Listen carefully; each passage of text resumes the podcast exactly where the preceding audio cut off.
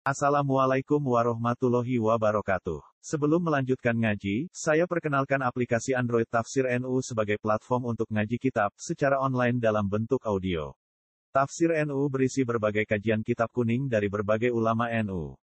Silahkan download aplikasi Tafsir NU di Google Play Store. Link download ada di deskripsi. Wassalamualaikum warahmatullahi wabarakatuh. Bismillahirrahmanirrahim.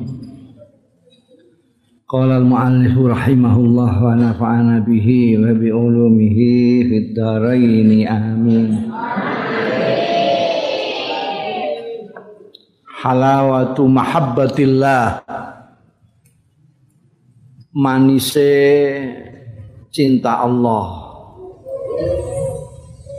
Iyyaka antahruja wa antahruja yang ing yen to metu sira min dari saking iki perkampungan jenenge donya iki metu wa mazukta lan urung tau ngicipi sira halawata hubbihi ing manise cinta Allah Laisa halawatu hubbi ora ana apa manise cinta Allah iku fil ma'akil ing dalem pakanan-pakanan. Wal masari bilan omben-omben. Keng nopo? Li annahu yusyarikuka nek kaya ngono kuwi mau nek ning pakanan ning omben-omben iku yusyarikuka nyekutoni ing awakmu ning sira fiha ing dalem maakil lan masyarib sapa al kafir wong kafir ya mangan ya ngombe. Wadabatu rumangkang ya mangan ya ngombe, pedus ya mangan ya ngombe. Bal saraka balik nyekutoni sapa al malaikatu malaikat fi halawati dzikri. Ing dalem manise zikir wal jam'i. Dan jam itu sepenuh jiwa. Secara total pikiran perasaan, intuisi, emosi kabeh menyatu ala Allah ing atas Gusti Allah taala. Kowe maknane mbah kono kowe. Maknane al jamu itu jamu itu istilah sufi yang ngono kowe. Wis utuh total sepenuh jiwa mikiran nutupi baban itu mbah songo hanya untuk Allah taala. Li annal arbah la tahtamil rasyasan nufus. Krana sedune roh-roh sing ana ning jero awakmu kuwi termasuk iku la tahtamilu ora tahan. Ora tahan. Ora iso nahan rasyasan nufus ing percikane nafsu-nafsu Mula fa idza ghamasta tatkalane nyemplung sira. Tenggelam sira fi jifatin dunya ing dalem batange donya. Donya dianggap kaya batang, kowe kok ning kono kok weneng banget. Ya la tasluhul muhadharah, berarti kowe ora ora pantes latas luhu ora pantes sira lil muhadharati marang muhadharah berhadapan-hadapan hadir dengan hadirat Allah ora pantes batang tok ngono. Li anna hadratullah taala karena sunni hadratullah taala iku layat khuluha ora mlebu ing hadratullah. Sapa al mulattahun wong-wong sing gelepotan binasa binajasatil maksiat meteni wong eh iku hadratullah iku ora iso dileboni karo wong al mulattahuna sing gelepotan binajasatil maksiati kelawan najis najise maksiat. Nah sepundi sepatu sakit fatahir kalbang mongko nyucekno sira kalbaka ing ati minal aibi saking celo celo-celone atimu iku ana dengki, srei, hasud, sirik, gumedhe, ujub, riya, resik kabeh.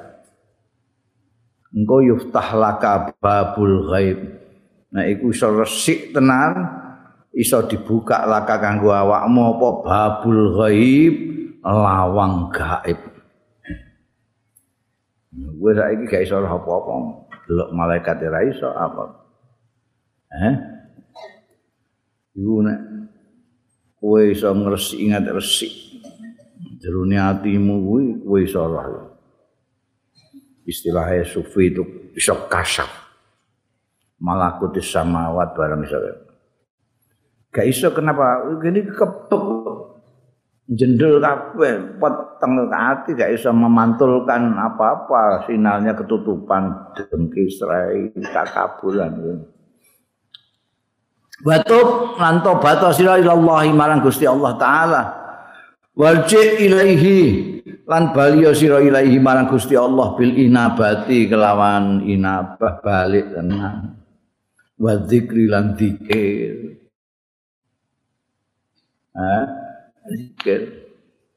Beniling terus karo Gusti Allah taala dzikir.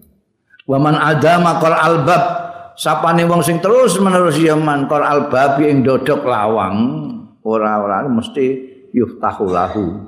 Mesti dibuka apa albab lahu kanggo man. Dodok terus kok dibuka lawang kowe kowe dodok kaya ora tau ya dibuka lawang.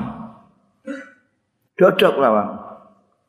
Walau lal mulatafah lamun kok ora mergo sopan santun makulna ora ngucap sapa ingsun laka marang sira zalika yang mengkono-mengkono ucapan man ada makor albab yuftahu lahu iku ganggu basa-basi mek kowe ae Hah?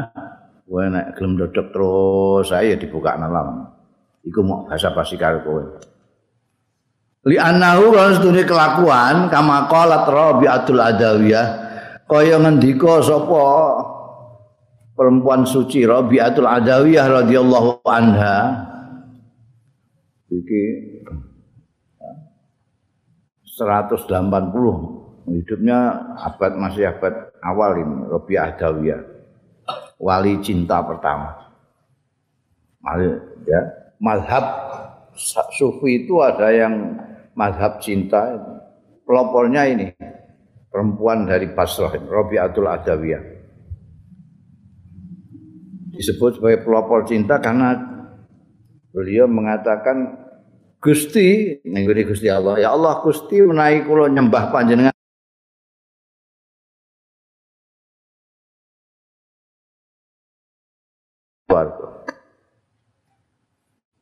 Menawi kula nyembah panjenengan jalan wedi neraka jenengan jeblosna kula teng neraka.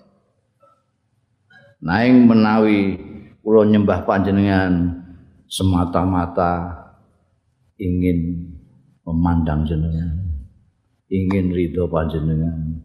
Ampun dipun alingi-alingi kula, ampun. Boten tahan kula. No. Cintane mek Gusti Allah. mulane ngantek wafat pirang-pirang ulama sing ngelamar ora gelem saja saja aku wis kekasih dhewe Oh iya, iku iki tanda kutip mata iku. Iku dawuh. Manen ungkapan-ungkapan Rabi Adawiyah itu dinukil banyak orang karena aneh. Ya kayak iku mau.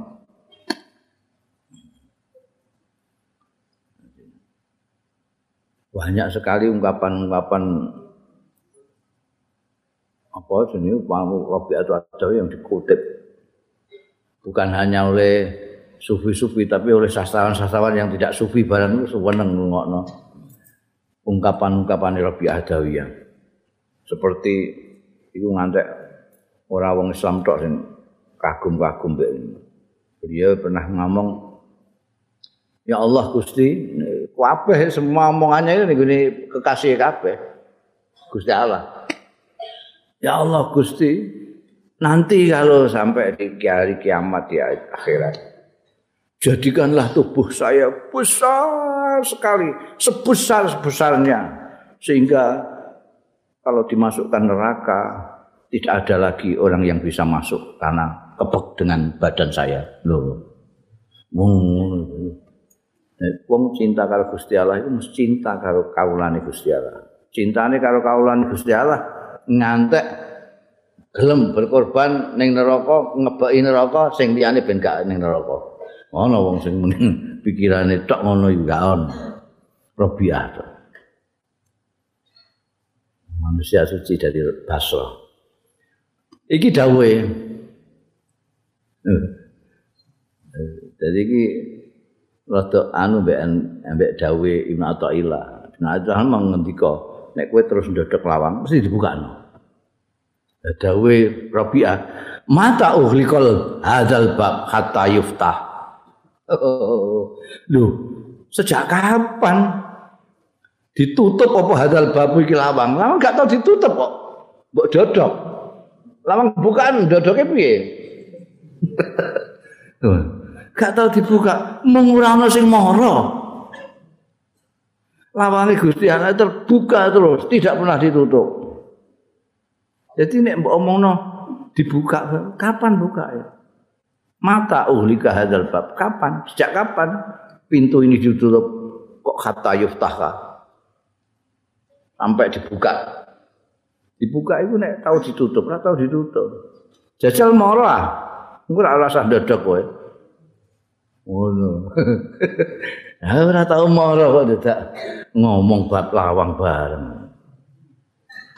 Gusti Allah ndak pakai lawang. Karek ana sing mara apa ora. Ini manusia itu ngono.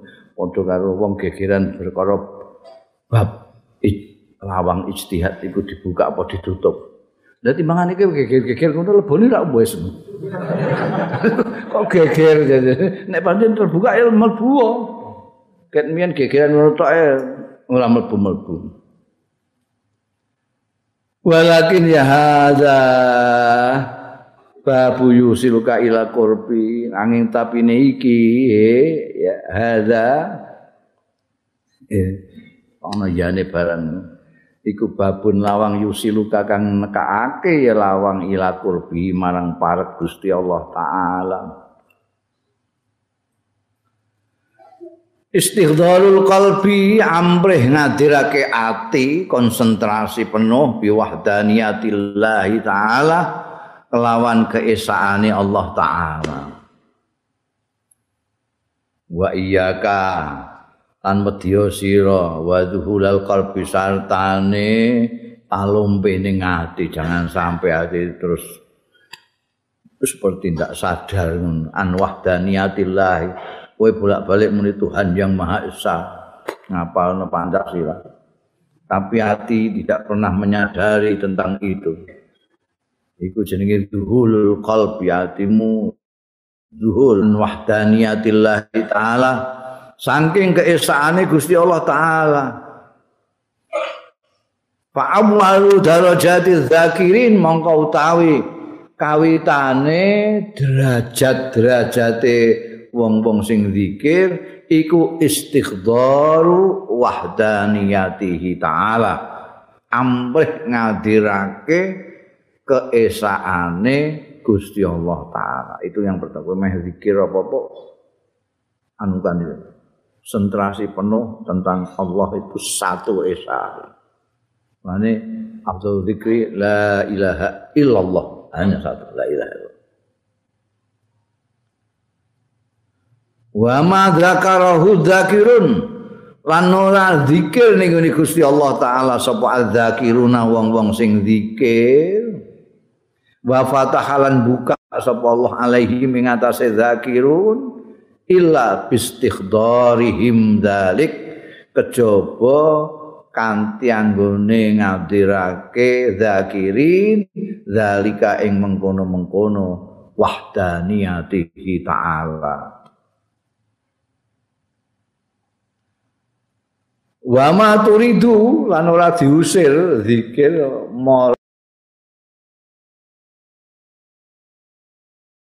kejaba sebab zikire zakirin ma'a ghalabatil zuhur sartane nglinding talumpe alaihi ing atase zakirin. Banyak nglamunnya daripada istighdar wahdaniyatillah. Nglamun. Muni Allah Allah Allah pikirane mbah ning ndi? Muni la ilaha illallah pikirane mbah ning ndi? Allahu akbar pikirane ning gone sing ora-ora. Hah? Ha, watis watas ta'inu ala dzalika bikum isyahwatain. Carane sepundi Mbah supados saged zikir dengan sepenuh hati istighdar wahdaniyatullah niku sepundi carane. Watas ta'in jaluk bantuan sira, tolong sira ala dzalika ing atase mengkono-mengkono zikir dengan istighdar wala yudaduka nek kowe kepengin tenan-tenan iso istighdar itu kurangi mangan.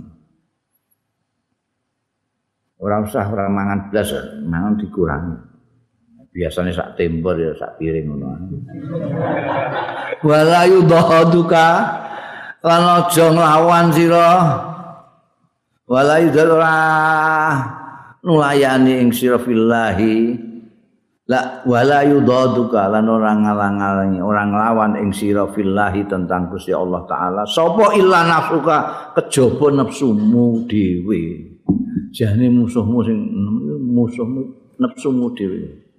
Kowe meh poso dikendon-kendoni nafsumu. Dimingi-mingi gule ngene nafsumu.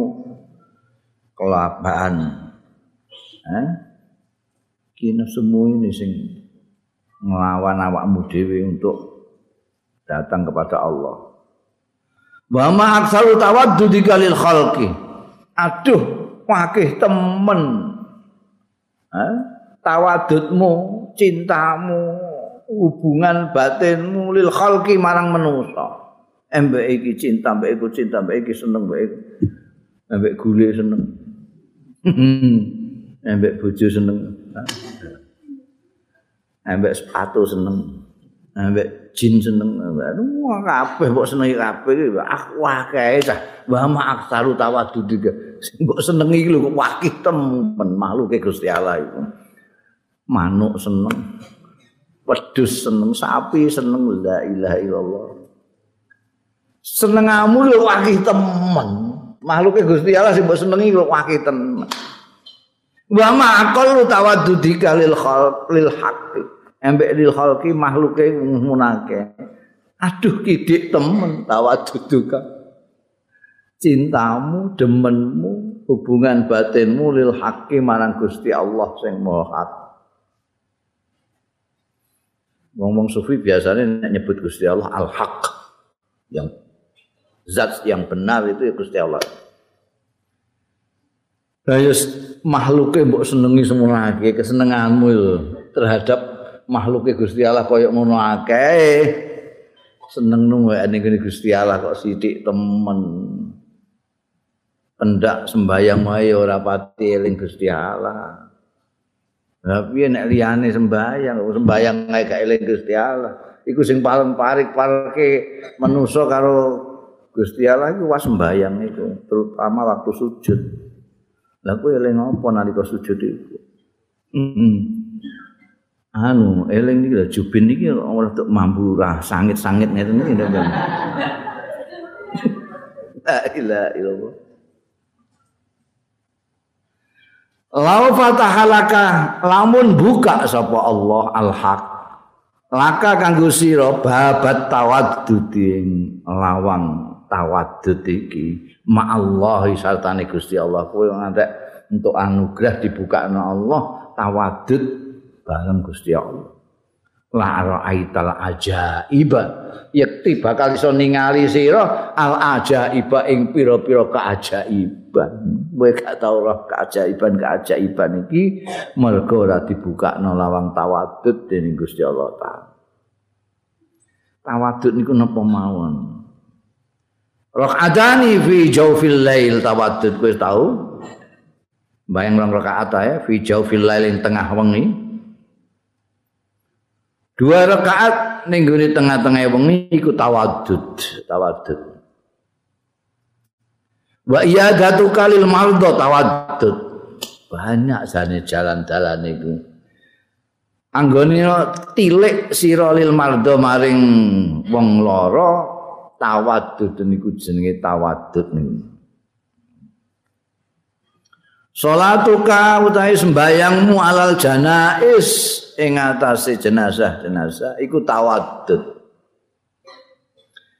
As-sadaqatu utahe sedekah alal masakin ing atase wong miskin-miskin iku tawaddudun tawaddud.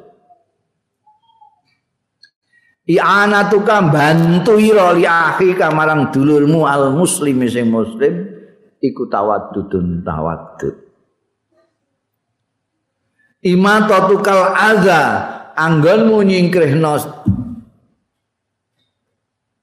nyingkrihno ira al adza ing sesuatu yang nglarakake wong antariki saking dalan iku tawadudun tawadud. Ana li mbok singkrihno ana paku mbok sing ana beling ning dalan mbok singkrihno mbok menawa ana sing ora sandalan iso kena iku tawadud. Banyak sekali tawadud itu walakin nasaifa al matruh yahtaju ila saidin tapi pedang sing diserehno iku mbutuhno ila saidin marang lengen.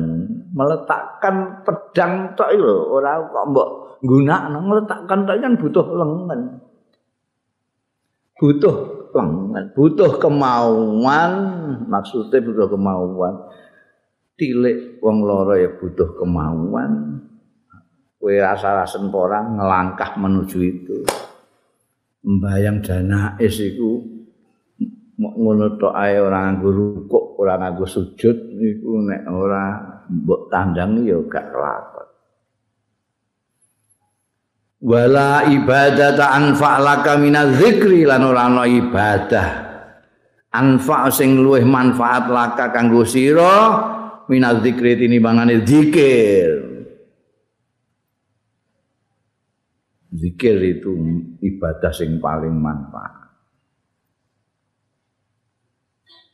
Ini kenapa? Li annahu krono zikir iku yumkin mungkin sapa asyaikul kabir wong tuwa sing tuwa rentas lah wal marid wong loro alladzi la yastatiul qiyam sing ora mampu ya ladzi marid al qiyam ing ngadeg ora mampu aruku aing ruku wa sujud dalam sujud iso zikir meskipun zikir yang paling zikir itu sholat zikir yang paling zikir itu sholat mereka dalam sholat itu segala macam gauto kita tidak hanya mulut kita kuwabeh melok zikir batuk kita zikir meletakkan batuk kita di tanah menunjukkan Robi al-Ala. Gusti Allah sing paling luhur dhewe. Aku iki apa? Sirah kula tak sok misa. Zikir. Ora kok mau Allah Akbar tok.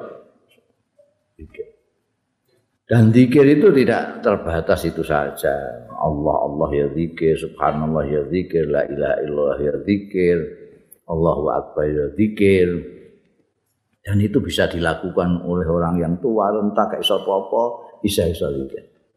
Gak iso zikir jahri nganggo lisan, iso nganggo hati. Ya, jadi paling manfaat kepenak. Loro, insya Allah, Allah, Allah, Allah, Allah. Bunda tariqatud dukhul carane mlebu ila ma'rifatillah maring mengenal Gusti Allah. Wa'lam ngerti sira annal ulama asetuhune wong-wong sing alim bal hukama lan wong-wong sing arif beda alim be arif itu ulama alim itu karena ilmu, karena ngaji, karena belajar, dia alim. Kama itu lebih karena banyak latihan, banyak pengalaman, banyak mengamalkan ilmu, kemudian jadi arif. Dia kalau bicara yang keluar wisdom, sesuatu yang mutiara. Dia ngomong mutiara muda. Karena itu tadi sudah mengedap ilmu itu dalam dirinya. Ulama ambek hukama itu ya'rifunaka. Mereka itu kenal betul kaing sira. Kaifa kepriye tadkhulu mlebu sira ila Allah taala marang Gusti Allah taala.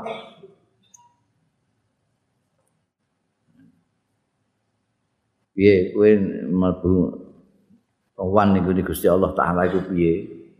Wong wong alim wong hukama sufi-sufi ngerti kan Hal ra'aita mamlukan awalama yustara yuslihu lil khidmah ana ta kowe tumon ningali sira mamlukan ing budak budake ora tau tumon kowe. Wis gak ana saiki.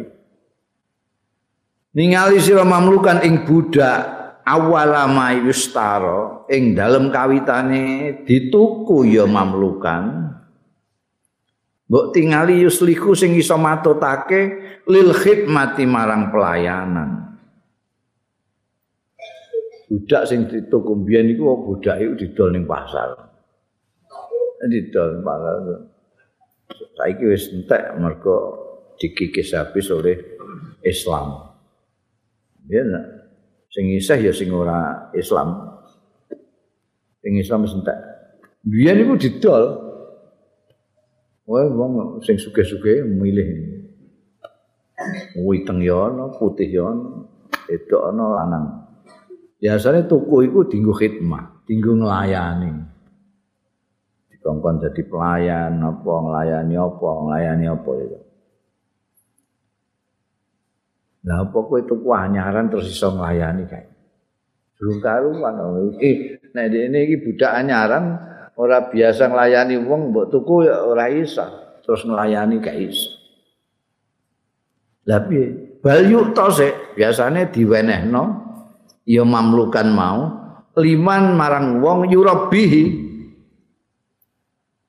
Sing nglatih didik ya man ing mamluk. Wa yu'allimuhu lan marai sapa man hu ing mamluk al adaba ing tata krama. Diwarai tata krama sik. Ora ujug-ujug terus mbok mbok wehno karo raja raja didoni barang piye Wa in saluha. Mongko lamun wa in saluha utawa salaha padha ae. Wa in salah mongko lamun pat wis patut mamluk iki wis diajari adab adabe ngladeni barang. Wa arafa lan ngerti sapa mamluk al adaba ing adab. Qaddama mongko nyerahno sapa wong iku mau man ing mamluk lil maliki marang raja. Menika pun kula latih.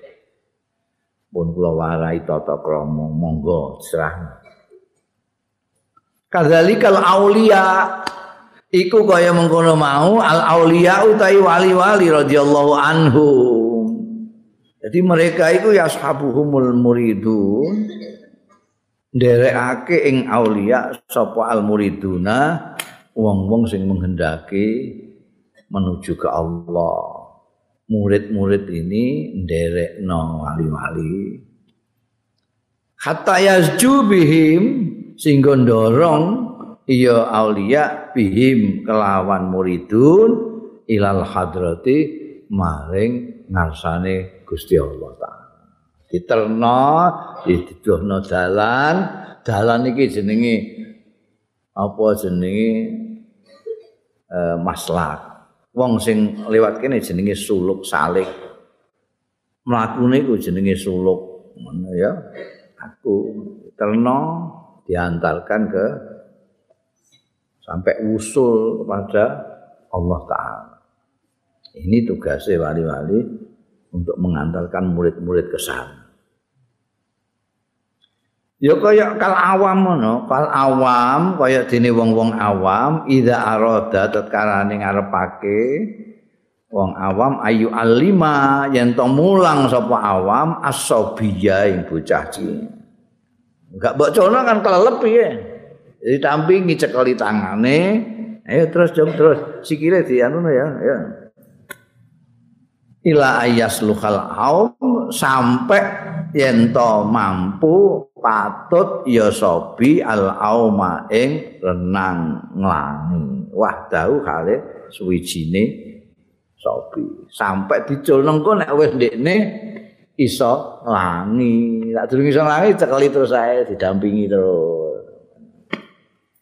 Itu juga gitu. Wali-wali itu dengan muridin ditutno terus saya sampai mereka bisa dilepas sendiri. Saluha. Wa idza shalah kan wis pantes wis patut iso nglangi dhewe zajahu mongko ndorong sapa awam mau hu ing sobi filujati ing dalem lumbang. Wis iki kok jegur dhewe kono ning segara gak apa-apa wis iso senang kok. Wa tarakahu lan tinggal ya awam hu ing sobi tinggal ora bakal kelelep wong wis diwarai itu juga gitu para wali-wali itu nunggoni ngantarkan sampai bisa dilepas baru ditinggalkan. Wa iyyaka an ta'taqida annahu la yatawassalu bil anbiya wal auliya was salihin. Wa iyyaka wedya sira jangan sampai kamu an ta'taqida ing yen to nekatake sira annahu stune kelakuan niku la yatawassalu bil anbiya. Ora iso sampai bil anbiya. Ora ana wasilah. ora ana cara sarana bil anbiya lawan nabi-nabi wal aulia ilan wali-wali was sholihin lan wong-wong saleh awasul mbek anane aja sampe kowe nekotno ora ana awasul ning gone nabi-nabi ning wali-wali sing saleh-saleh iku ora ana aja ngantek. Mergo fa innahu mastune nabi-nabi wali-wali wong-wong saleh iku wasilatun justru wasilah. Ja'alaha kang dadekake hak ing wasilah sapa Allah Gusti Allah ilaahi marang Gusti Allah. Kenging napa li anna kulla karamatin lil wali. Karena sedune keramat lil wali kedue wali ya ya karamah lil wali iku syahadatun merupakan kesaksian bisidkin nabiyyi kelawan benere nabi. Li annaha jarat ala aidi krana setuhune karoma iku jarat lumaku ala aidil auliyai ana ing asta astane wali-wali misla khalqil adat kaya sing nulayani adat. Cukup-cukup iso ngundang mano wal masyi alal ma mlaku ning dhuwur banyu wa tayaran mabur fil hawai ing dalem awang-awang. Wa ikhbar wa ikhbaril mughayyabat lan ngabarake perkara-perkara sing gaib. Wanab ilma'i lan miline banyu roko drijine. Wa nahwi dzalik tan sepadane mengkono-mono kabeh jadi aja duwe etikot nek ora ana tawasul ono.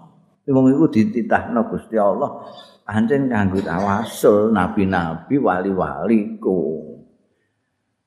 nek nabi-nabi iku kagungan mukjizat mukjizat wali-wali ku duwe karomah karomah. Diparingi Gusti Allah karomah karomah untuk menjadi saksi kebenarannya. Nabi ono sing jenenge khariqul ada sing nulayani adat iku ono. Iki buktine. Wali iki eh? Keramat jenenge. Cuma kalau nabi namanya mukjizat nek wali-wali jenenge karomah. Keramun kene ngarani keramat karomah nek dikandakno wong-wong sing ora tahu anu ya kenal kalau wali ya ora ngandel iku wali-wali duwe karomah iku iku biyen iku iku aku iki saksi hidup Aku mbiyen ku isih cilik nalika ning Lirboyo iku. Wong lagi metu SD. Pira umur pira umur metu SD. Aku ora tau ning SMP, langsung Lirboyo. Umur pira? 12 lah, 12 11. pakai nakal-nakal itu. Pakai nakal-nakal. Pakai nakal-nakal itu pondok. Wah, kiai kiai itu kagungan Wet tebu itu ngelilingi pondok. Tebu Mbah Mahruf, Mbah Masuk itu.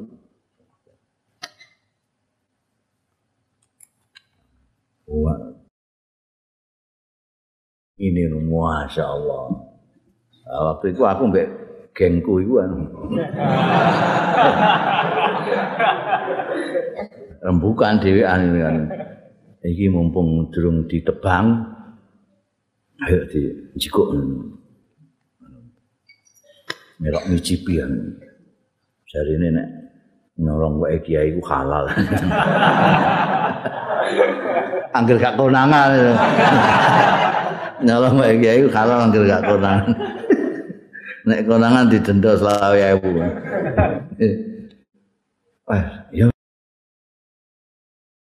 Aku kurung informasi ku sesuk ditebang saiki wae. Wis ya, ya. aku lagi ngliwat golek bendu.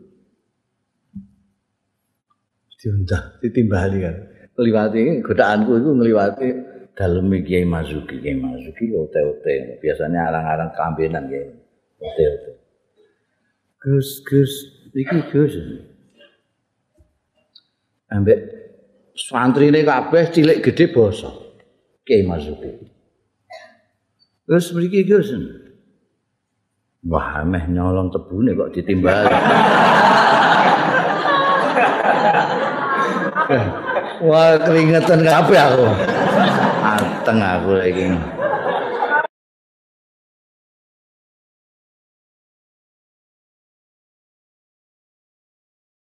Wis ndredeg kabeh dadak ditakoki. Sampean doyan tebu. tambah kau mata. Wah, tambah koplok aku. Lagi ditimbali wis keringetan ditakoki ngono ya. Jenengan jenengan doyan tebu kok. Enggak jawab aku enggak iso jawab. Koplok ya. Ngompol aku. Masya Allah.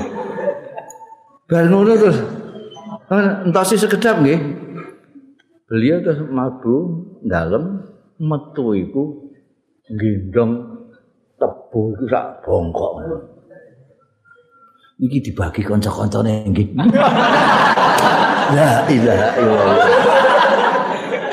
Iki mbah ngerti mbah kebetulan enggak ngerti ya. Wis mbok tafsirno apa dhewe?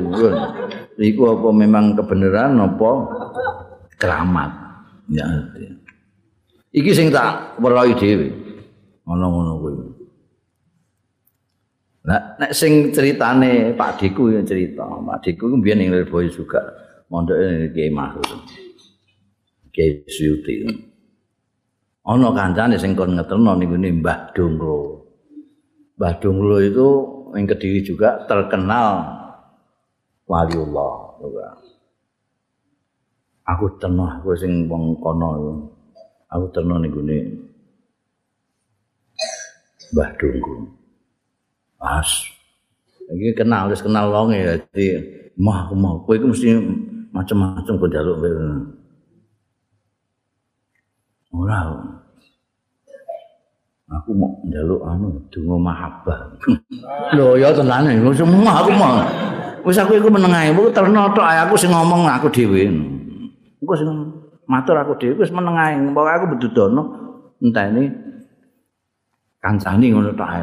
Aku kabeh engko sing ngomong wis Wis rada peksa-peksa sithik Pak Dik. Terno Patrat-patrat. Ndek sisi kene patrat. Kertas-kertas. Iku wis disiapno ternyata ambekan iki kancane Pak Di. Ora tak sebut jeneng iku nek mbok goleki. Otrot tak napa wis siap otrot. Kertas-kertas. Wes tulis Allahumma bi qalam bin sandian ma bin Wes dereng apa ini pesan kas wes peng telu terus dioyok kertas ora juduh. Iki padahal nek juduh Apa meneh? Cak wedok. Wedhus katut.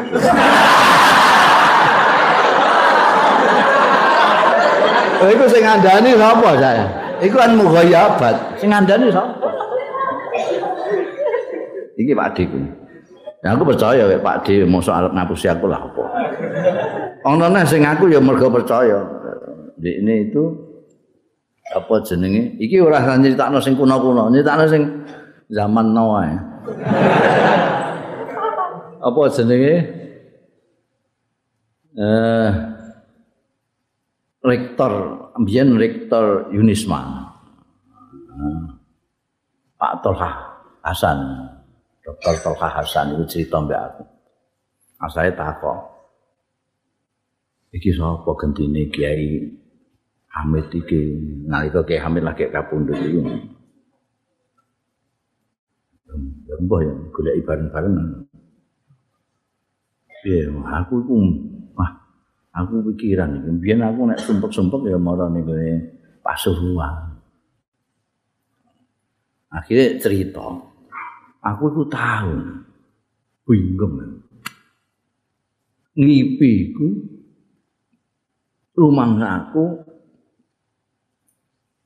sowan ning gone Kiai Hamid. Ngaturi Kiai Hamid 10.000 asale tak tak abaikan saja wong ngipi iso kembangi turu. Si isu ini ngipi padha. Sampai tiga malam berturut-turut ngimpi ini padha jadi aku kegiatanku tak rekno aku berangkat harus sowan sowan itu durung apa-apa lagi Ini sepuluh hewu nih. Iku kanthi wong iku ngipi tak gak tak kandhakno sapa-sapa kok ora.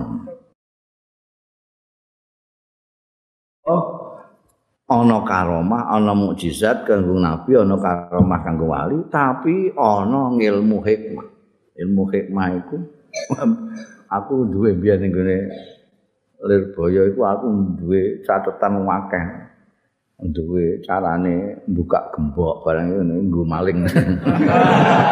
Iya. mbak gemuk iso ngilang barang ngono kuwi ngilang iku sing sugih ngono iki mahfuz iki mahfuz iki mahfuz iku iso pencak ning dhuwur wit tebu ning gone nalika mondok ning Rembang ngucar ngacir ning konteng lor kono iku nganakno ketoprak lakone Hasim Asad ngamuk kok lokasi kan muai wae obrak-abrik kan sing wani. Oh, ono sing wani. Kuatane nang ngono. Kemah. Lah iku pirang-pirang aku konggone kemah iku ya entuk. Tapi ora wani ngamal. Kaya dungane ngilang barang ngono. Aku ora wani ngamal nang nek gak iso balik. Ya. Ngilang terus gak iso balik wayah. Soalnya ana ning Pemalang, Pemalang ana kiai sing ora ora balik. Huh? Sebalik. Monggo kiai ngono iku rokok, kroyang-kroyang. Rokok tok kan wedi yo. Jadi kowe kudu hati-hati. Ngono kok iso ngundang manuk, ngono ae terus kowe gak wah iku wali mesti. zaman no iki akeh ilmu-ilmu ngono iku singgo wali-walinan iku ya. Iso mlaku ning dhuwur banyu bareng ngono, sila ning dhuwur awang-awang. Ngene wong India pirang-pirang sing iso ngono. Undang manuk iku gawe ana sing nganggep wali mbek aku takok niku wali saestu ya. Oh ngerti. Oh sakit undang manuk. Ya, undang manuk. Kowe ngundang manuk. Kiai Mahrus iso ngundang kelapa. Nek manuk ana nyawane diundang mara biasa. Iki masuk kelapa. Kelapa nek ngundang kelapa diundang bang kliu. Situ balik nene. Nasa gawak. Nah ini yang Wis ngono iku anak sing gak ngandel. Wangke ya bukti-bukti sing ora iso dibantah ngono karomah-karomah.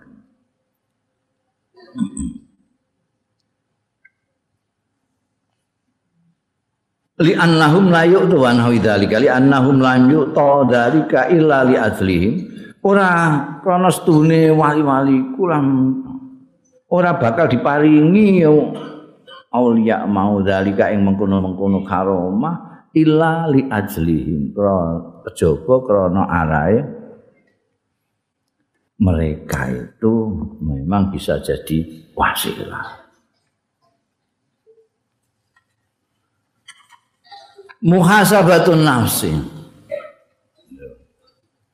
Tapi ya paling anu aku udah hati-hati tenang iku bedanya tipis sekali antara karomah dengan karomah dengan ilmu hikmah ngono kuwi bedane tipis banget.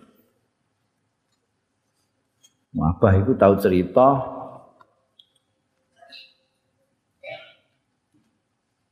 Mbah sapa jenenge Mbah Nawawi Banten itu suatu ketika lunga ning Mesir. Arab ning ngene Masjid Sayyidina Husain. Sayyidina Husain itu sedak Masjid Azhar. Mas saya, mas saya itu biasanya naik ning Azhar ya ning Husain. Mas saya kula Azhar itu. Pada waktu itu Imam Nawawi Al-Bantani itu kan ning Mekah.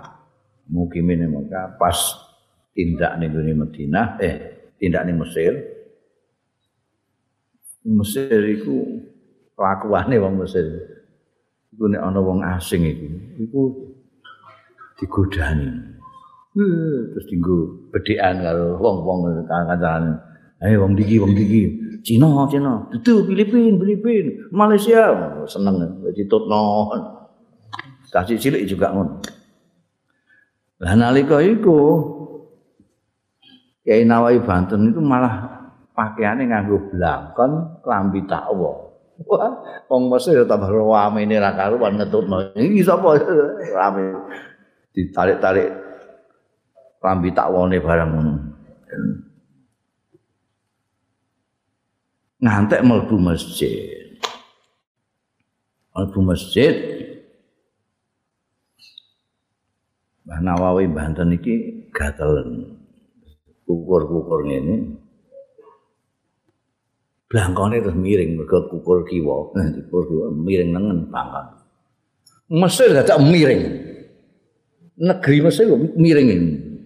Berarti bakal ndok pecah kabeh ndok. Weker, ya ana apa Terus mas saya mas saya iki mesti ana apa-apa. Golek golek ing masjid ana niku lagi itikaf nang arep. Kuwi iki apa? Kenal mereka. Wong biyen dijuluki apa? Orang alim dari Jawa itu istilah dari Jawa. Karangannya kan banyak sih. Baca di mana-mana Imam Nawawi. Iki apa? Terus dicedakin. Sampai yang la ilaha illallah men gawe gara-gara wae. Wong sampean iku wong alim. Wong arif bila kok dikonokno karo bocah-bocah kok ya ora atim lho ana apa? Ah sampean mau ora rene mau ora digodani bocah-bocah kuwi to? Wong-wong sing ora iku. Orang-orang sing bodho aku rene terus langsung gak ana sing bodho gak ana sapa. Ya bingung. Wis oh, sah sah iku sik lho. Iku lho. Ulukmu iku dibenakno sik iku kudu miring aku. Dibenakno balik meneh. Oh, itu. Ya komentar apa ini? Ini gak rumong so. Digodani wong barang gak rumong. Rumang sana wong-wong iku Imam Nawawi lara atine di ricuki ngono terus enake diringno. Aku mau pukul-pukul Kok miring iki korupor. Komentarnya apa? Yang Nawawi ini gak apa-apa. Kekasih sing gak terima. Ngono. Hati-hati ke wali. muhasabatun nafsi ngoreksi diri muhasabah memperhitungkan diri menilai diri sendiri ngoreksi diri introspeksi itu muhasabatun nafsi An Syekh Abil Hasan Asyadili iki mbah gurune Syekh Ibnu Athaillah. Mergo Syekh Abil Hasan Az-Zalili gurune Al Abbas. Al Abbas gurune Ibnu Athaillah. Sangka Syekh Abil Hasan As-Zalili radhiyallahu anhu kala dawuh sapa Abdul Hasan As-Sadiri kil nafsaka serahno awakmu. Wazin lan nimbango sira hae nafsika bisolati kelawan salat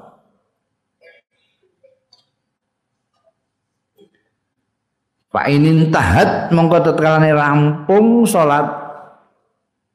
Rampung anil khududi saking bagian-bagian. Pak Lam mongko ngerti sira anaka setune sira iku saita kowe bejo. Wa ila nek ora ngono fabki. Mongko nangis sira nangisi ala nafsika ing atase awak ira. Khadun utawa khuzuz itu bagian. Biasanya yang banyak itu kita ngambil bagian apa? Bagian kita apa bagian Gusti Allah? Bagian Gusti Allah itu hati Gusti Allah disembah dipuji dizikiri tapi kebanyakan kita nek sholat itu bagian kita sing kelingan itu bagian kita sholat dan lain sebagainya, kita itu bagian kita. Syukur itu kan bagian, mestinya bagian Gusti Allah. Nek kita diparingi anugerah, kita bersyukur kepada Allah. Itu bagian Gusti Allah.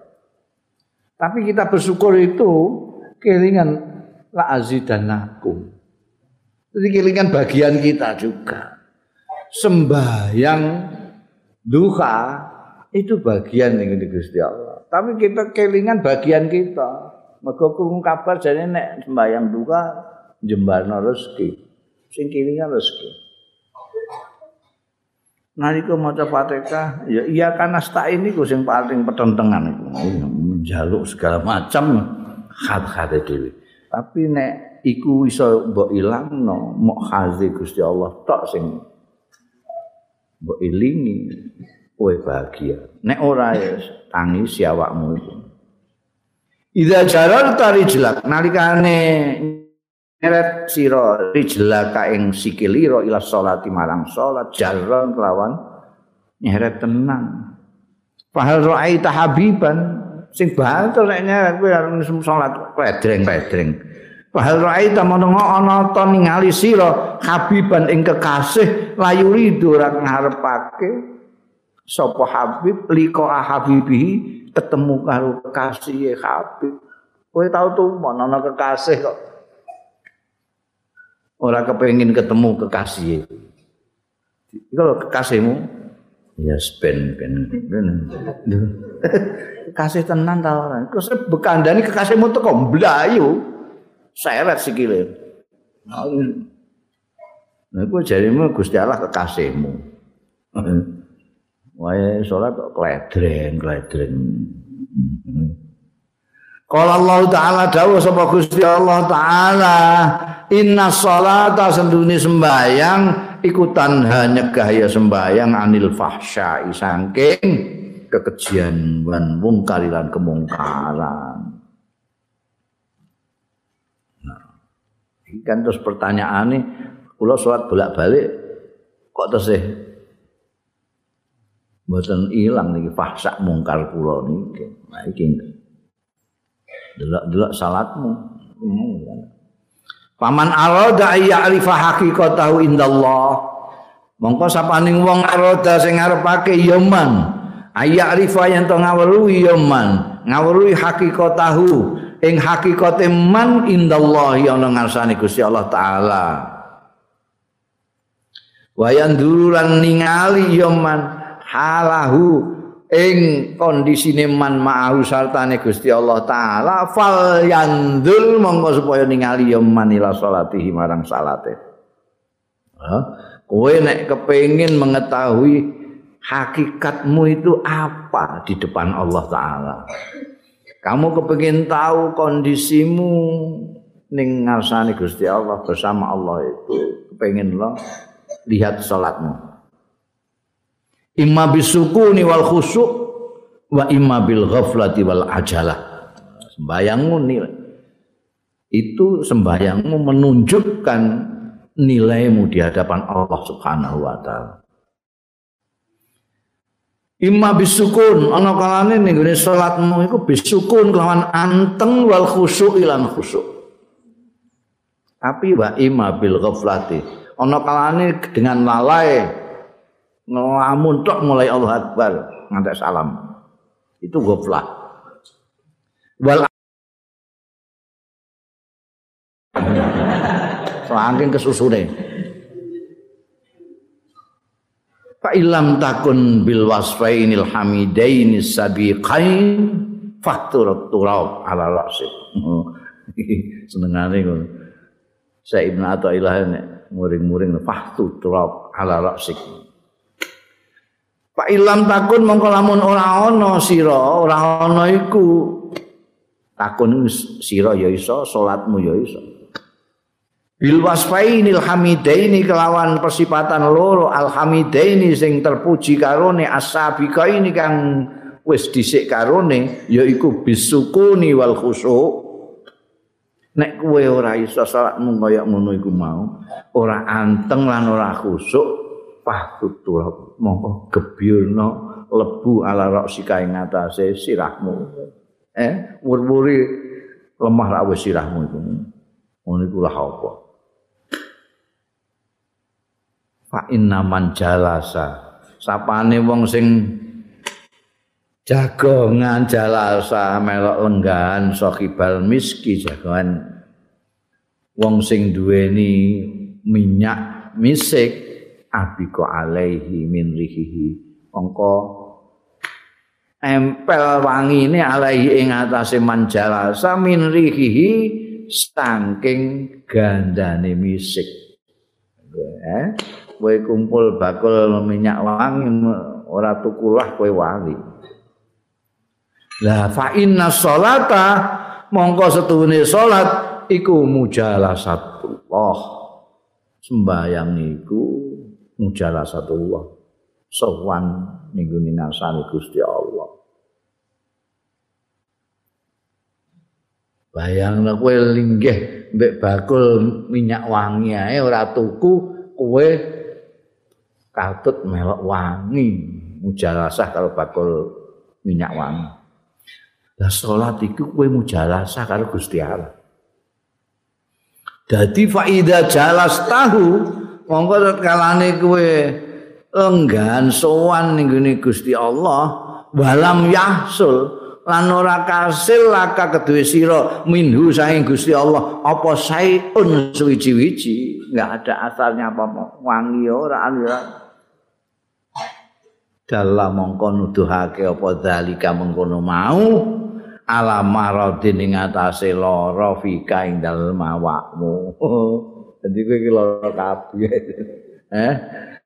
Kowe nek sembayang iku mujalasah ning ngarsane Gusti Allah. Kok bar sembayang gak entuk apa-apa blas. Gak ada labete apa-apa. Tambah apik, tambah khusyuk. Tambah ora tau fahsa, ora tau mungkar, ya tetep wae. Kedigasane ya tetep, petakilane tetep. sembayang terus tapi kok tukarane ya terus sembayang terus tapi kok korupsine terus ya ada asal sembayang bayangmu sempi ya sembayangmu itu Wong mujalasah Nah. Oh, gue salaman dengan sowan bakul minyaknya salaman wangi tangan kok. Ya Allah, tangan kok wangi ini. Penyakit kowe iku ana penyakit. Mujalasah karo Gusti Allah kok ora untuk apa-apa. Iku kowe lara. Sakit napa, Mbak? Wa huwa kaimarat iku ima kibrin. Ana kalane kibir. Gumedhe kowe. Iso sembayang ngono ae kowe nyawang wong sing durung sembayang kaya ya ngenyek kibir. Tinggang Mbah Kiai ngono ae. Wong-wong sing awam mbok anggap ora pati wong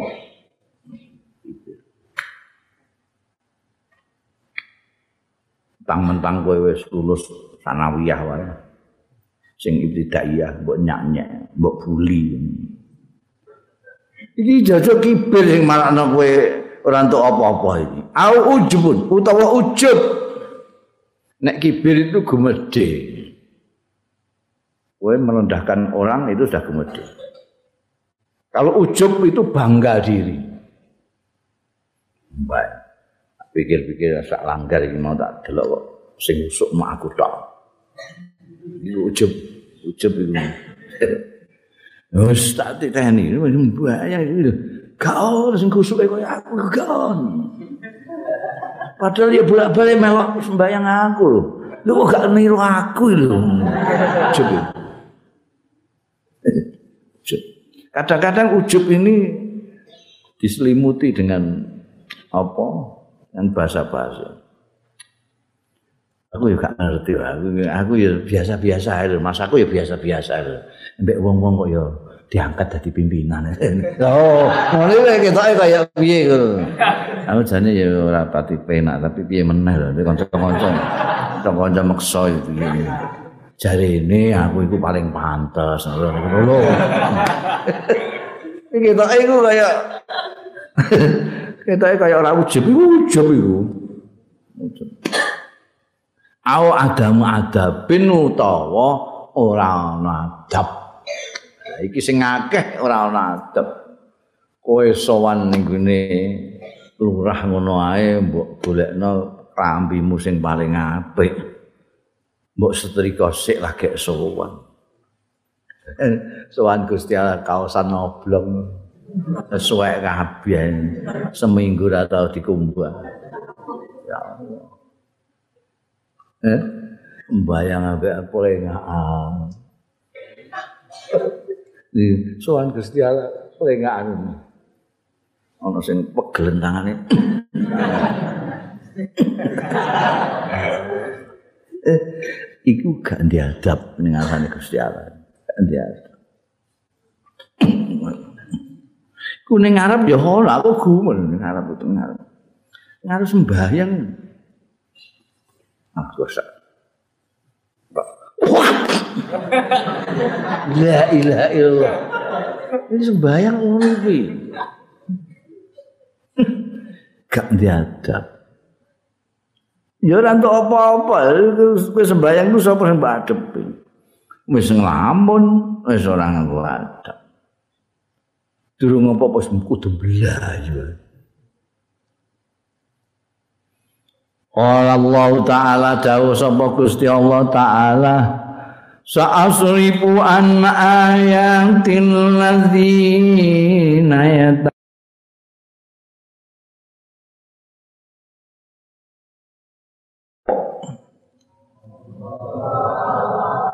Sa'asrifu bakal nginggokno sapa panjenengan ingsun an ayati saka ayat-ayat ingsun nginggokno alladzina yatakabbarun wong-wong sing padha gumedhe ya alladzina fil ardi ing dalam bumi bi ghairil haqqi kelawan tanpa alasan sing dibenarkan. Sing duwe alasan dibenarkan takabur iku namung Gusti Allah tok. Liyane tidak punya alasan untuk takabur. Apa takabur alasan takabur. Oh. Apa mergo kowe diundang kiai? Nek gak ana santri, kowe ndak diundang kiai. Mesti ini kiai santri sing luwih bangga kudu santri. Mergo iso nggawe kiai iki. Nek ana santri ana kiai piye? Oh. Gak ana rakyat, ana piye wakil rakyat? Hmm, jadi wakil rakyat sombong ora karuan. Wong dianggap ora ana. Gumedhe. Wong gumedhe ayat-ayat Gusti disingkrihno. Wis wis wis ora kanggo kowe, takabur. Mulane wong sing takabur iku terus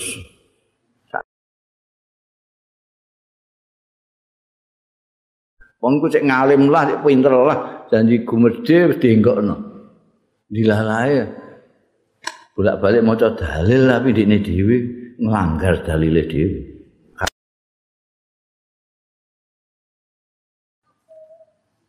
Wes hati-hati. Aja ngantek takabur.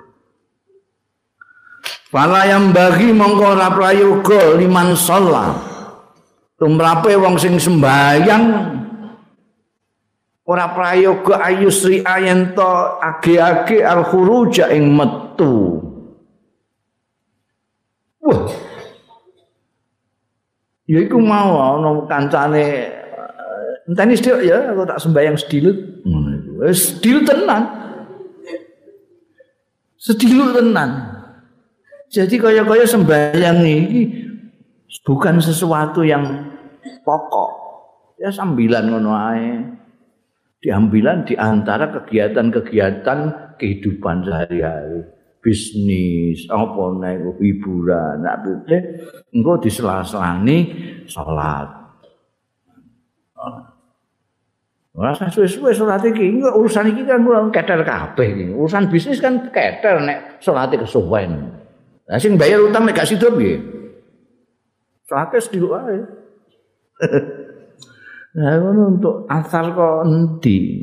Layam bagi liman sholat ayusri al khurud. Ojo agi-agi metu bal yalkulullah. Balik zikir ning Gusti Allah. Bar sembayang lah iku kowe tengok-tengok isih. zikir subhanallah walhamdulillah wala ilaha illallah wallahu akbar subhanallah bihamdi adada khalqihi wa rida nafsi zinata asik dadakan astagfirullahalazim wa atubu ilaih zikir. Bal yadhkurullah ta'ala. Wa yastaghfiruhu lan nyuwun ngapura ya man hu ing Allah min taksirihi saking pepekane man fiha ing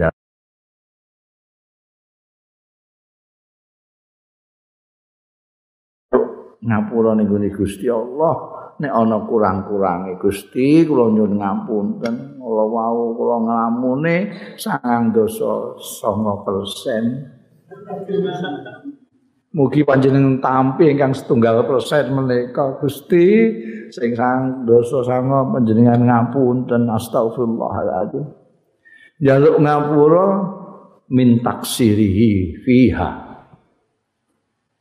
Aja ngantek ora kowe bas mbayang istighfar.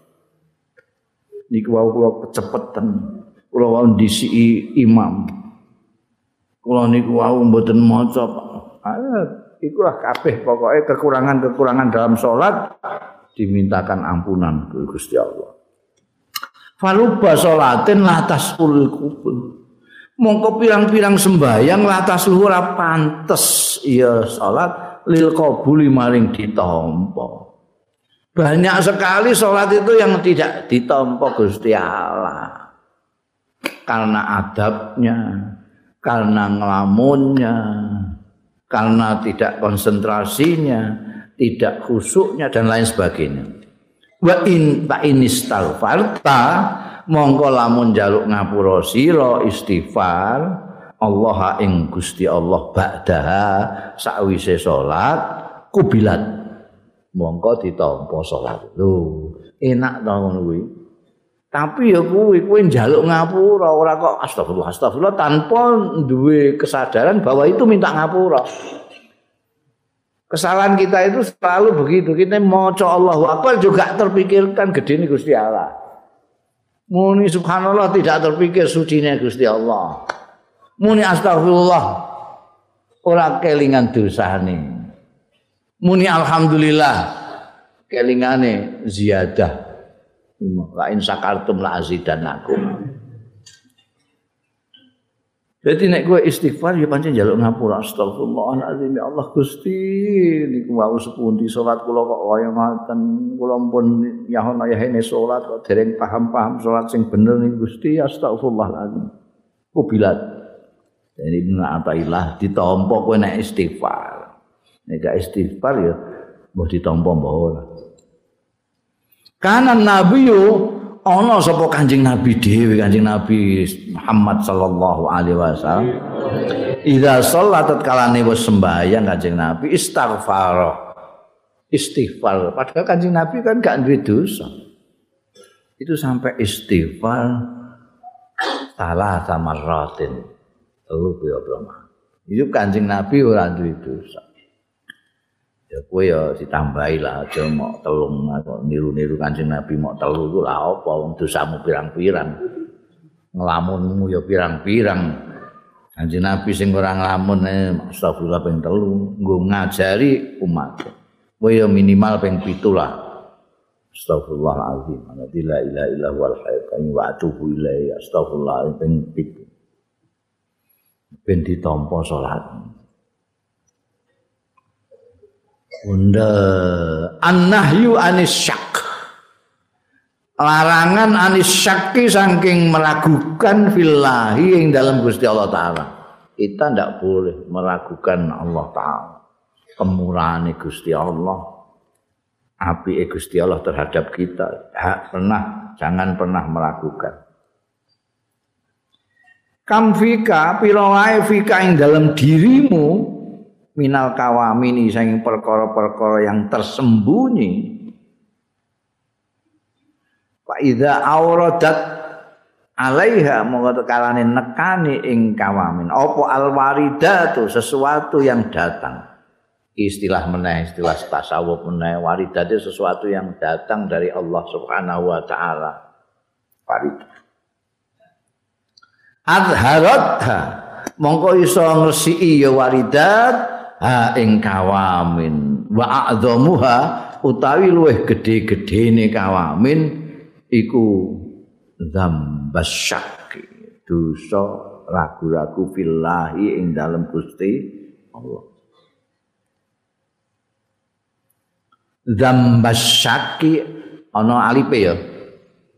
Berarti loro. Dzambasyaki dosa lorone ragu-ragu ing dalem Gusti Allah wasaki fil rizki lan ragu-ragu ing dalem rezeki.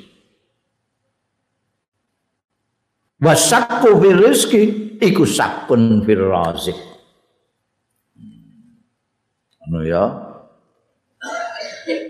Jadi nek kowe ketulungan di Gusti Allah itu apa-apa yang ada dalam diri kita yang merupakan gangguan-gangguan hambatan-hambutan hambatan untuk menjadi orang yang baik itu nanti akan terbuka semua nek ditulungi Gusti Allah.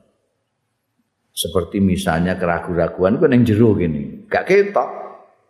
Tapi nek ditulungi Gusti Allah terus ketok. Kowe ragu-ragu ning Gusti Allah. Ragu-ragu aku iki diparingi rezeki ta ora mbek Gusti Allah. Hmm. Lho karuan Gusti Allah iku khairur razikin kok.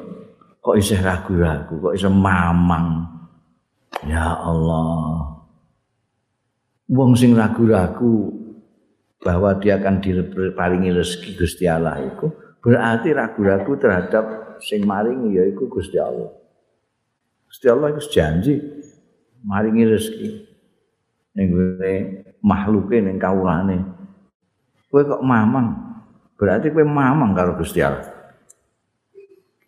Ad-dunya utahe donya iku ahqaru luwih empreh min an yu'ala timbangan yen to dimenang.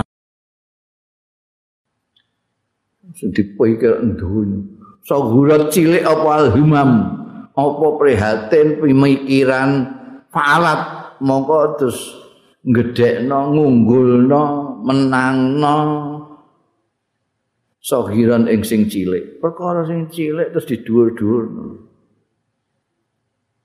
Walaupun takabiran mongko lamun ana sira iku kabiran gedhe taulta yekti ngunggulno sira al kabira sing gedhe. Dunya mbek akhirat gedhe di akhirat. Tapi sing mbok pikir sing mbok prihatin dunya terus saya akhirat gak. Berarti kowe cilik. Nek kowe gedhe sing mbok pikir mesti sing gedhe. Mergo kowe cilik sing mbok pikirno sing cilik-cilik. Hmm.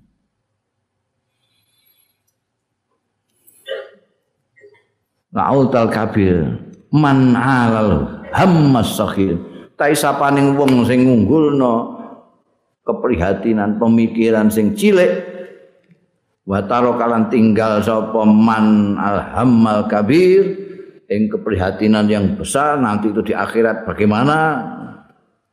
Iku istas istasfalna ya. Mongko nganggep rendah ingsun aklahu ing akale man. Ana wong kok sing di anggap pokok perkara sing cilik perkara sing gedhe ditinggal. Iki wong iki tak anggap ya akale rendah. Kum anta bima yaz zamuka kang netepi yo maing sira bayane min wadhaifil ubudiyati nyatane tugas-tugas kehambaan wa huwa alim ta Gusti Allah yakumu sing jumenengi kanggo sira bima lawan barang iltazamau sing netepi ma ing Allah. Titik kalau titik kita pernah titik glenden glenden titik dhewe. Hmm.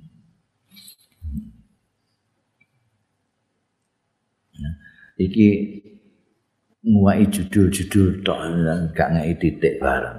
Terus ini judul itu rapati penting, sing penting titik e iku. Nek ora ana titik e glender. Orang yang mendahulukan pemikiran yang kecil-kecil ngalahno pemikiran yang besar maka dipikir enggak diprihatin orang akalnya rendah kamu itu sah pokoknya kamu itu tetapi apa yang menjadi kewajiban? Tugasmu apa? Sebagai kawulan Gusti Allah. Ya nyembah Gusti Allah. Isi itu lakukan. Rasa mikir tugasnya Gusti Allah. Nah itu mbok lakukan Allah akan melakukan apa yang menjadi ketetapannya Allah sendiri yaitu memberi rezeki kamu. Ya kok mikir kowe malah mikir rezeki ku lah apa rezeki tanggungane Gusti Allah kowe mikir. Salah ya. Kuale eh? Niku piye? Mbok pikir iku piye? Mesti tanggung kok mbok pikir. Sing pikir ku tugasmu iku nyembah. Nek kowe nglakokno tugasmu sebagai hamba yaitu menyembah Allah nanti Gusti Allah akan ngrezekeni kamu.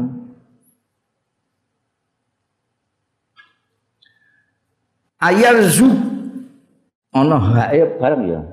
Nek ora ana hak ya napa tanpa hak nek ana apa gak? Ya zuku ngono ana sing eh? Tanpa hak. Ya iku sing bener. Sampean ngerti? Ya ngerti menae hmm? Ora enak soalnya. Ayat zuku ngono hune dibuat. Ana to ngeskeni sapa Allah. Al juala. Jual. Al juala ing kepik. Ngerti kepik kowe? Eh, bangsa kumbang itu kumbang. Umbang kepik itu sing gawene ning ngendi? Tretong-tretong iku. Apa jenenge ya kepik ya? Kanggonmu kepik. Wal wazakh paling rezeki sapa? Ana ta paling rezeki sapa Allah? Al juala ing kepik kumbang wal wazagha lan tekek. Wabana terwa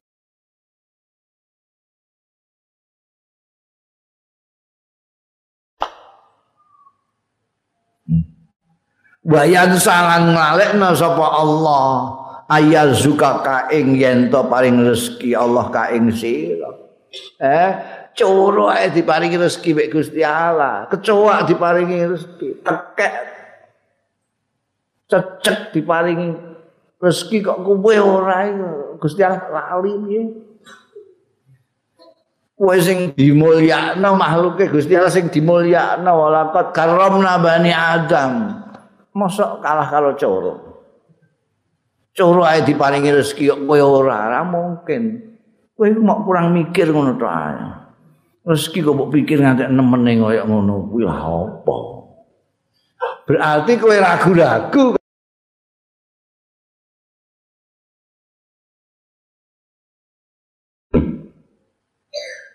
Eh?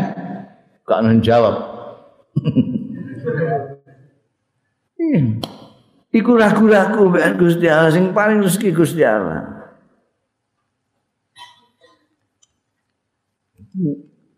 Soalnya terpengaruh kalau opini yang dibuat oleh dunia modern ini. Seolah tidak percaya ambekan Gusti Allah. Sing paling coro diparingi laler diparingi rezeki paling rezeki kabeh Gusti Allah. Gak ono sing ora. Mosok sing dimulyakno kau makhluk sing dimulyakno dilalekno dhewe ora diparingi rezeki. Ora mungkin. Qala Allah Ta'ala Wa'mur ahlaka bis salati wastabir 'alaiha La nas'aluka rizqan nahnu narzuquka wal akibatu taqwa Wa'mur perintah sira ahlaka ing ahlimu bisolati kelawan sembayang kongkon sembayang wargamu bojomu kon sembayang wastabir lan supaya nyabari alaiha ing atase salat. Salat pancen kabiratun pancen abot illa alal khashiin. Ha mulane sing khusuk ben enteng salat kuwi kongkon ahli musolat lan kon nyabari. Wis ah kongkon niku ae kok ning pasar bareng lanas aluka rizkon panjenengan ingsun ora njaluk ing sira rizkon ing rezeki. Justu nahnu nazkuka panjenengan ingsun sing rezekeni ka ing sira. Wal akibatu tai tembe buri sing apik iku takwa keduwe takwa. Eh pelokno iku ngibadah ning Gusti Allah. Perkara rezeki nahnu narzukuka. Kami yang akan memberi rezeki kepadamu. Yaiku sayangi yaiku akeh sing do gak percaya karo Gusti Allah utawa meragukan Gusti Allah. Ono mau sing dikeyakinan nek gak dadi PNS ora iso mangan iku ono. Oh gak ndelok kiwa tengene. Sing PNS mbek sing ora akeh endi ngono lho. Mungkin ya mbak mboten PNS tapi kan anu kan bisnis. Nek gak ndelok sing ora bisnis. Hmm. Mboten bisnis kan becak. Lho men ningali sing ora becak ya akeh kok. Mboten becak tapi kan dodol bakso. Nek kepengin golek wong pengangguran tak dudono sing ngake kowe. Cetha ya aku. PNS ora, warung ora duwe, sawah ora duwe. Apa sih bisnis ora duwe. Biyen tau duwe warung ning gone garasi kono iku. Diutangi santri terus bangkrut. Ya.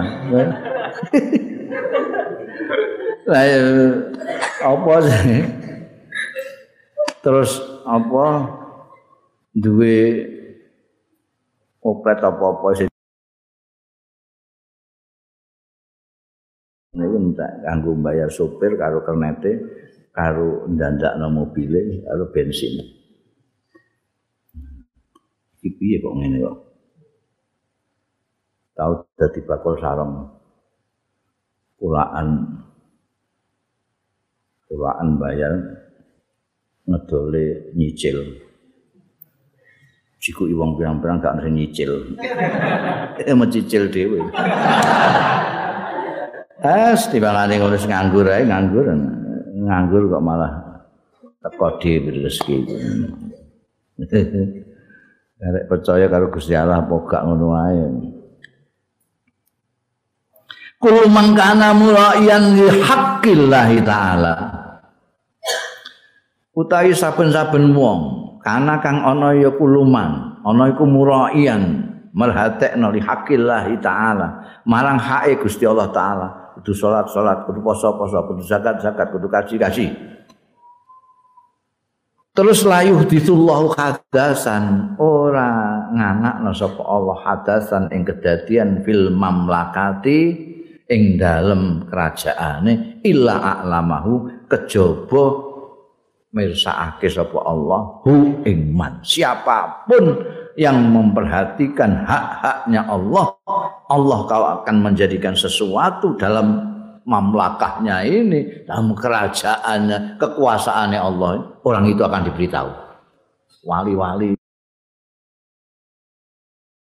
Apa pun yang kejadian dikandani kabeh. Oh Nadzara ba'duhum ningali bos bagian orang-orang arif. Ila jamaatin maring kumpulane jamaah. Faqala mengko dawuh sapa ba'duhum. Hal fikum man idza ahdatsallahu subhanahu wa ta'ala fil mamlakah hadatsan a'lamahu. Ditakoki ana tetkalane ndadekake sapa Allah Subhanahu wa taala fil mamlakati dalam kerajaan iki. Di antara kalian pada orang yang kalau Tuhan menghendaki mengadakan sesuatu diberitahu sama Tuhan. Iki kok bakal ana gunung meledos ana sing ana sing dikandani ditakoki ngono Kalu padha jawab jamaah, "Lah, mboten, mboten sing mboten nggih kaget-kaget mawon wonten Gunung Bledos iki kaget mboten dikandani sak derene. Mboten ora. Ngono ora ora. Itu mboten ngertos. Mboten sing ngertos. Lah, mboten. Pakola mengko dawuh sapa Mbak Duhum mau. Nek ngono ya opo.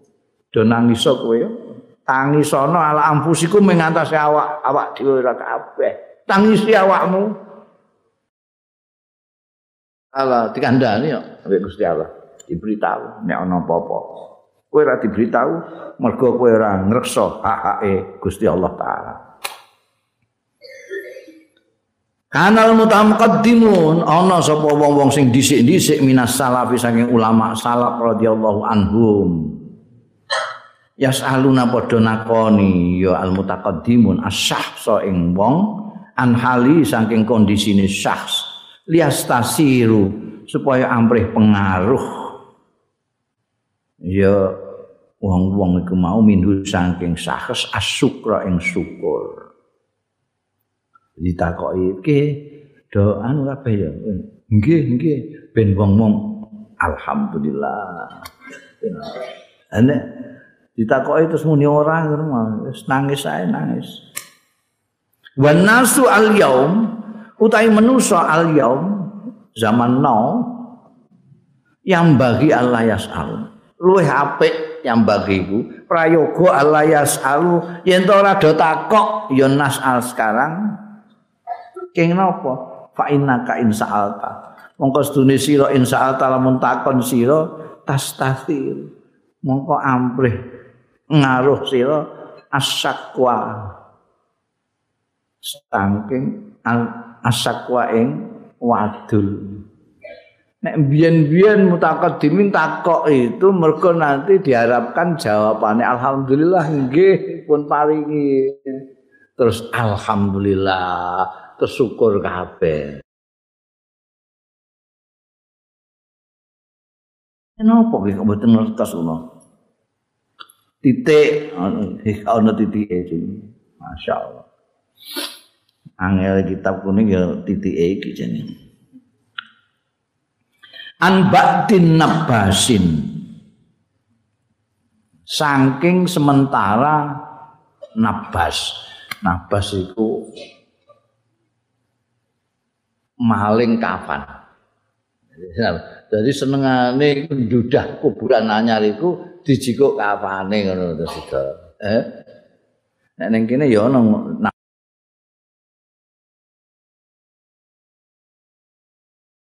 Mulane nek jumah kliwon terus kuburane dijaga kaya Nek iki nabas iki wis kuburan apa ae wong dene butahe kafane iku.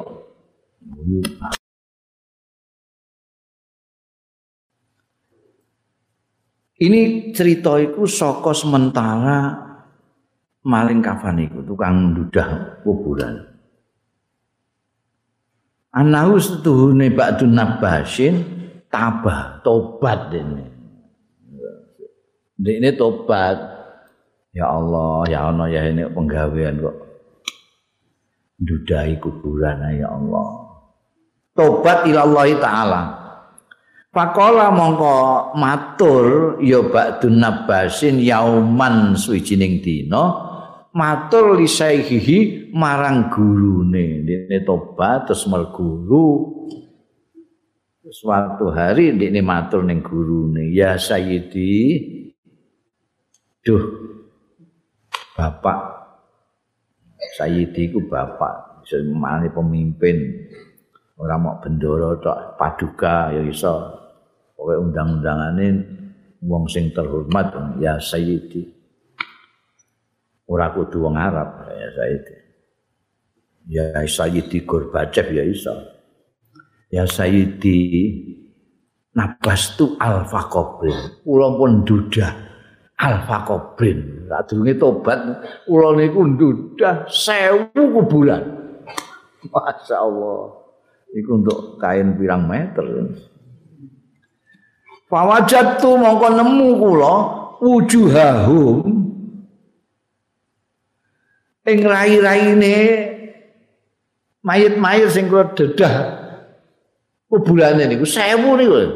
Mayit-mayit sing ten jero niku rai-raine muhawwalatun owah anil kiblat sang kiblat mboten madhep kiblat malih padahal nek mati diadepno kiblat kabeh niku Berarti ku Anton sewu kalau dudah.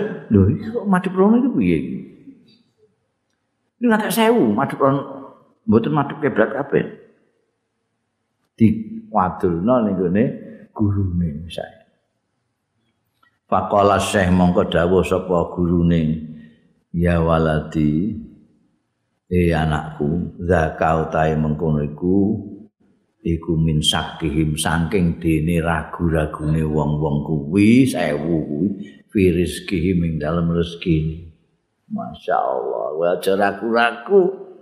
Eh wa aja ragu-ragu rezeki saka paringane Gusti Allah. Eh coro ae dikai rezeki karo Gusti Allah mosok kowe ora. Kowe ngantek ragu-ragu nek mati raimu di warakno eh ngetan ora ngono eh diwae Syak medeni wong. Ya Allah. Mu'zamus soal akeh-akeh penjaluan minallahi saing Gusti Allah taala. Ya Abdullah, he kawulane Gusti Allah. Idza talabta nalikane nuprih sira nyuwun sira minallahi saking Gusti Allah. Fatlub minhu mongko nyuwun sira minhu saking Allah ayuslihaka yen to matutno sapa Allah ka ing sira mingkul lil wujuh saka segala segi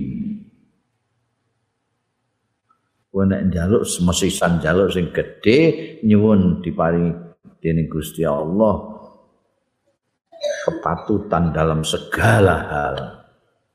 Wa yuslihu kal birridha anhu fi tadbirihi. Laka wa ayyuslihaka ya nyuwun supaya patut dalam segala hal. Wa ayyuslihaka lan yen to matutake sapa Gusti Allah ka ing sira biridha kelawan ridha anhu sang Gusti Allah fi tadbirihi ing dalem pengaturane Allah raka marang sira jadi kowe nyuwun supaya kowe diparingi ridho. Apa sajalah yang diatur Allah. Kula mboten Pak. Mboten napa panjenengan paringi saged ridho. Napa mawon? Ya Gusti Allah ngatur kowe iku diatur seneng sedela sedih sedela. Anu wis manut ae rido terus. Padha melarat rada sugih sugih nemen melarat nemen itu diatur nek Gusti nek kowe diparingi ridho karo Gusti Allah dalam kondisi apapun kamu akan ridho Cuma inna ka mongko keri-keri sedune sira iku abdun syarud iku kawula sing minggatan. Minggat kowe iku minggatan. Talaban menuntut nupre sapa Allah mingka saking sira anta abul alaih yen to nyabrang mara alaihi ing atase Gusti Allah malah fafaralta mongko mlayu sira minhu saking Allah taala karep Gusti Allah kowe iku mara ning Gusti Allah kowe malah mlayu piye karepmu fa innal firara Iku gak ngono iku gak jenenge inggatan ngono.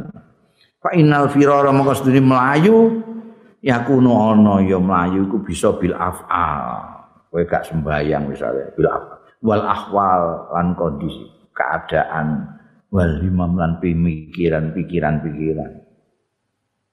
Fa idza kunta mongko tetkalane ana sira fi salatika ing dalem salat ira ana iku tashu lali ya tashu lalai sembayang ora eling nek sembayang.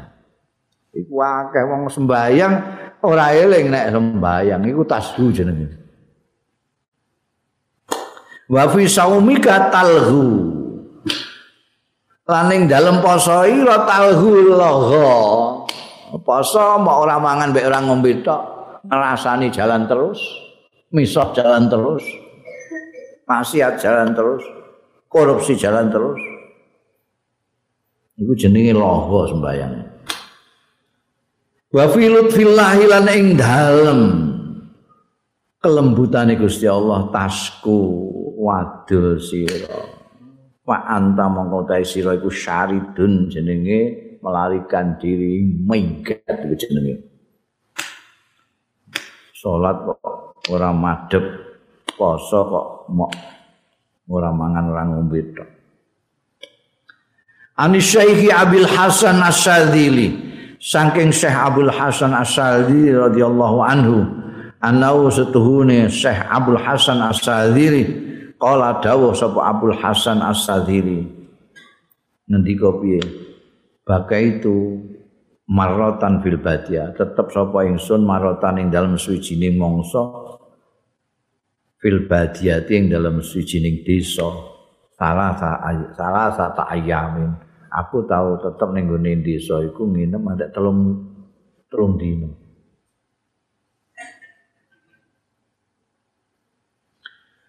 lam yasika ya lam yasika ya.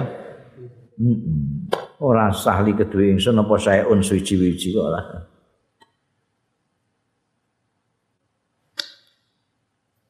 ora ono. Ya. Itu orang-orang sufi dan biasa jalan gitu. Jalan. Ya saya Abdul Hasan saya itu gitu jalan. Pas nih gue di sana sampai turun dino itu orang orang nopo warung lawan harus biar gak ada warung kan ono sing iman. Gak ada sesuatu. Pajaza alaya mongko ngliwati ngatasé ingsun sapa ba'dun nasara sementara wong-wong nasrani. Aku telung dina ngelimpuk Farauni ana sementara orang Nasrani lewat Farauni mongko ningali ya Pak Nasara ing ingsun aku ditingali mutakian ingkang lelehangan aku lemes telung dina gak nemu apa-apa Dek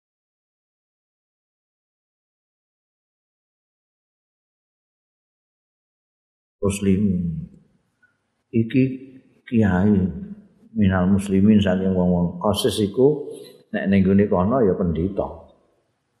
Karepe nek ning kene ya ulama lah, ulama ini muslimin, tapi mereka kenalnya kan kosis. Iki pendeta Islam non pendeta Islam. Famadau mongko padha nyelehno ya wong-wong Nasara iku mau indarok siana ing dhuwure sirahku nyelehno saean ing sesuatu minato ami saking pakanan. Terus ditinggali pakanan kisah iki ana pendeta Islam ngajane kok lesu iki nglemprak ning kene. Terus diselehi pakanan. Nyelehno panganan ban sorofu terus budalan ya wong-wong Nasrani mau. Fakultu mongko geneman dhewe sapa ingsun. Ya lal ajab. Aduh aneh banget kaifa ruziktu ala aidil a'da. Kepriye kok direskeni sapa ingsun? Ala aidil a'da. Ing atase tangan-tangane musuh nalika iku saya musuhan mbek wong Kristen. Wong Nasrani saya musuhan. Gimana kuwi? Belum dina gak ana rezeki bareng ana rezeki kok lewat tangannya musuh walam uzak lan ora diparingi rezeki sapa ingsun ala aidil ahibba ing atase tangan-tangane kekasih kok ora kanca-kanca lewat kanca-kanca sing ngeki rezeki. Rezeki iki Gusti kok lewat musuh iki piye? Aku ngomong ngono dhewe fakila. Mongko dingendikake ana swara tanpa rupa. Kisian laisar rajul mayyazuk ala aidil ahibba. Ora ana apa ar-rajulu wong lanang tenanan gentleman iku man wong. Ada laisa ora ana. Aja iku man wong. Yuzaku kang diparingi rezeki ala aidil ahibba ing atase tangan-tangane kekasih-kekasih innamar rajul angin pestine wong lanang sing tenanganan iku mayyurzaku wong sing diparingi rezeki ala yadi a'daihi ing atase tangan-tangan musuhe wah di ana swara ngono ing jenenge lanang tenan iku sing entuk rezeki sok tangan-tangane musuh ora kok sing saka tangane biasa. Nek rezeki teko saka Ya iki kanca-kanca biasa iku. Ana musuh ngeki lah iku baru. Ya hadza, eh wong iki kowe maksude ya hadza ij'al nafsaka dadekno sira nafsaka ing awak ira kadabatika kaya sapimu ngono. Kadabatika kaya dene rumangkangmu. Dadekno awakmu iku kaya rumangkangmu. maksudnya sepundi? Tumpaanmu lho mbah jaranmu mbah kebumu itu awakmu seperti itu. Ulama adalah Anton Anitori nek menggok ya dabatuka Anitori ki saking dalan. Dalan apik-apik ndene malah nyebok-nyebok ning gone sawahe wong Dorok taha mongko nutuk sira ha ing dabatuka. Kowe numpak jalan, jalanmu nabrak-nabrak pekarangane wong, mbok jarno ae. Wah, iso tukaran mbek wong e kowe. Lah piye? Dorok tahu, tutuk. Eh, eh nengah. Farajaat mongko bali ya dabatuka ila tarik maring dalane. Nek mbok tutuk dekne balik ning ngene dalan sing bener. Nek ora nabrak-nabrak terus. Lah ngono kuwi perlakukanlah dirimu seperti itu. Terhadap nafsumu. Nafsumu nek ngejak miring-miring ning didi tutuk ae. Ben jejeg mara ning dalan meneh. Walau fa'alta lamun nindakake sira ma'an nafsika sartane awak ira. Mislama taf'al. Kaya umpamane barang taf'alu kang nindakake sira bijubbatika kelawan jubahmu. Nek kowe memperlakukan nafsumu kaya kowe memperlakukan jubahmu. Apa dimaksudnya ulama tawassaqat ghusal taha. Semongso-mongso rusah ya jubatuka ghusal taha. Ngumbah sira ing jubahmu wa ulama taqata nek suwek pedot-pedot fiha ing dalam jubah ana suwek apa taun suwiji-wiji. Rapak tahu. Mongko nambal sira ing syek wajadat tahu lan nganyar-nganyar sira ing syek nek ana sing protol anu apa kancingi protol gendeni sing anyar perlakukan seperti itu nafsumu perlakukan seperti jubahmu Nek kowe gelem ngono nek kotor resiki. Jadi awakmu nek kotor resiki. Awak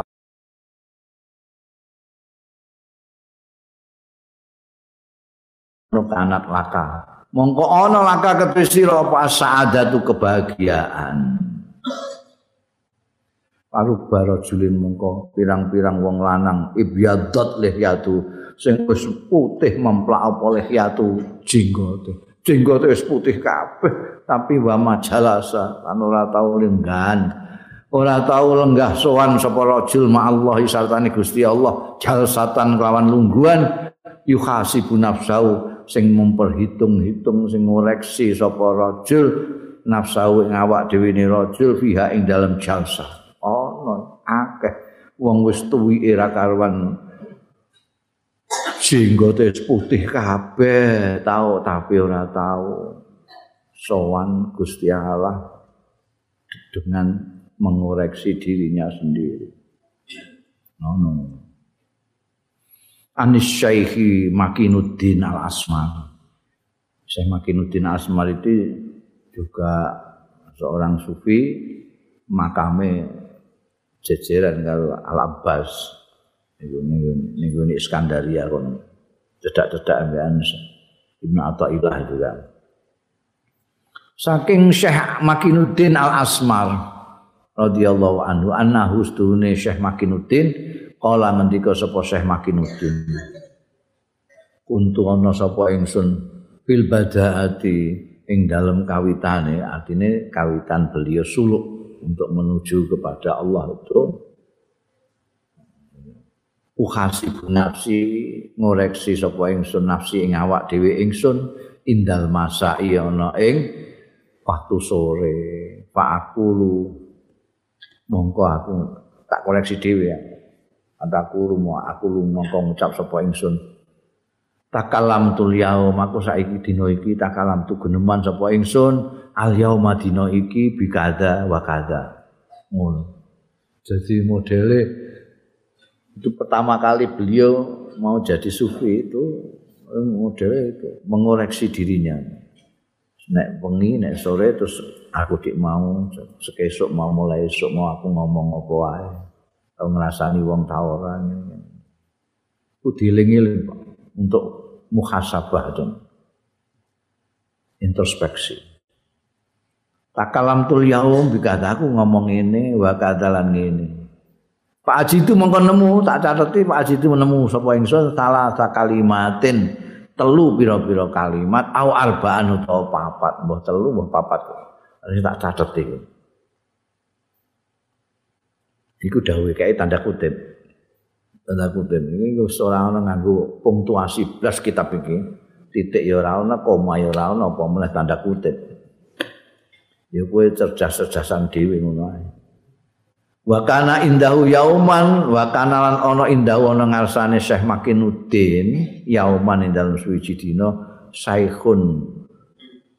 Wong tuwa umruhu kang umure Syekh iku nahwu tis'ina sanatan sekitar 90 apane sanatan taune. Wah ini pantarane Mahathir 90 tahun.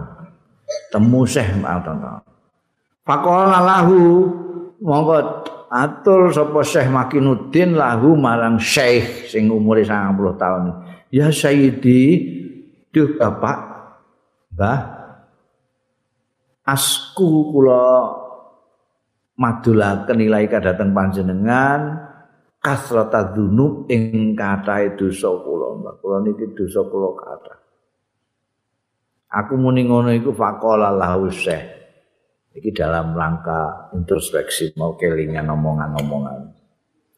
Faqala mongko dawuh lahu marang Syekh Makinuddin sapa asyaihu wong tua mau.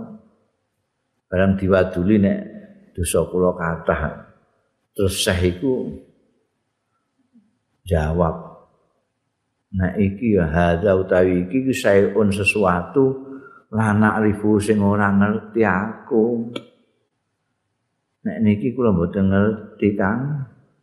Wong wa ma'rifu lan kula dereng nate ngertos anis dunik ingsun iku amil tu nglakoni kula zamban ing dosa kotu babal pisan nek soal dosa kula maaf mawon kula mboten ngerti wong kula dereng nate dosa La ilaha illallah. Dadi emen diwaduli soal dosa 90 eh, tahun ora tau dosa. Kulo mboten ate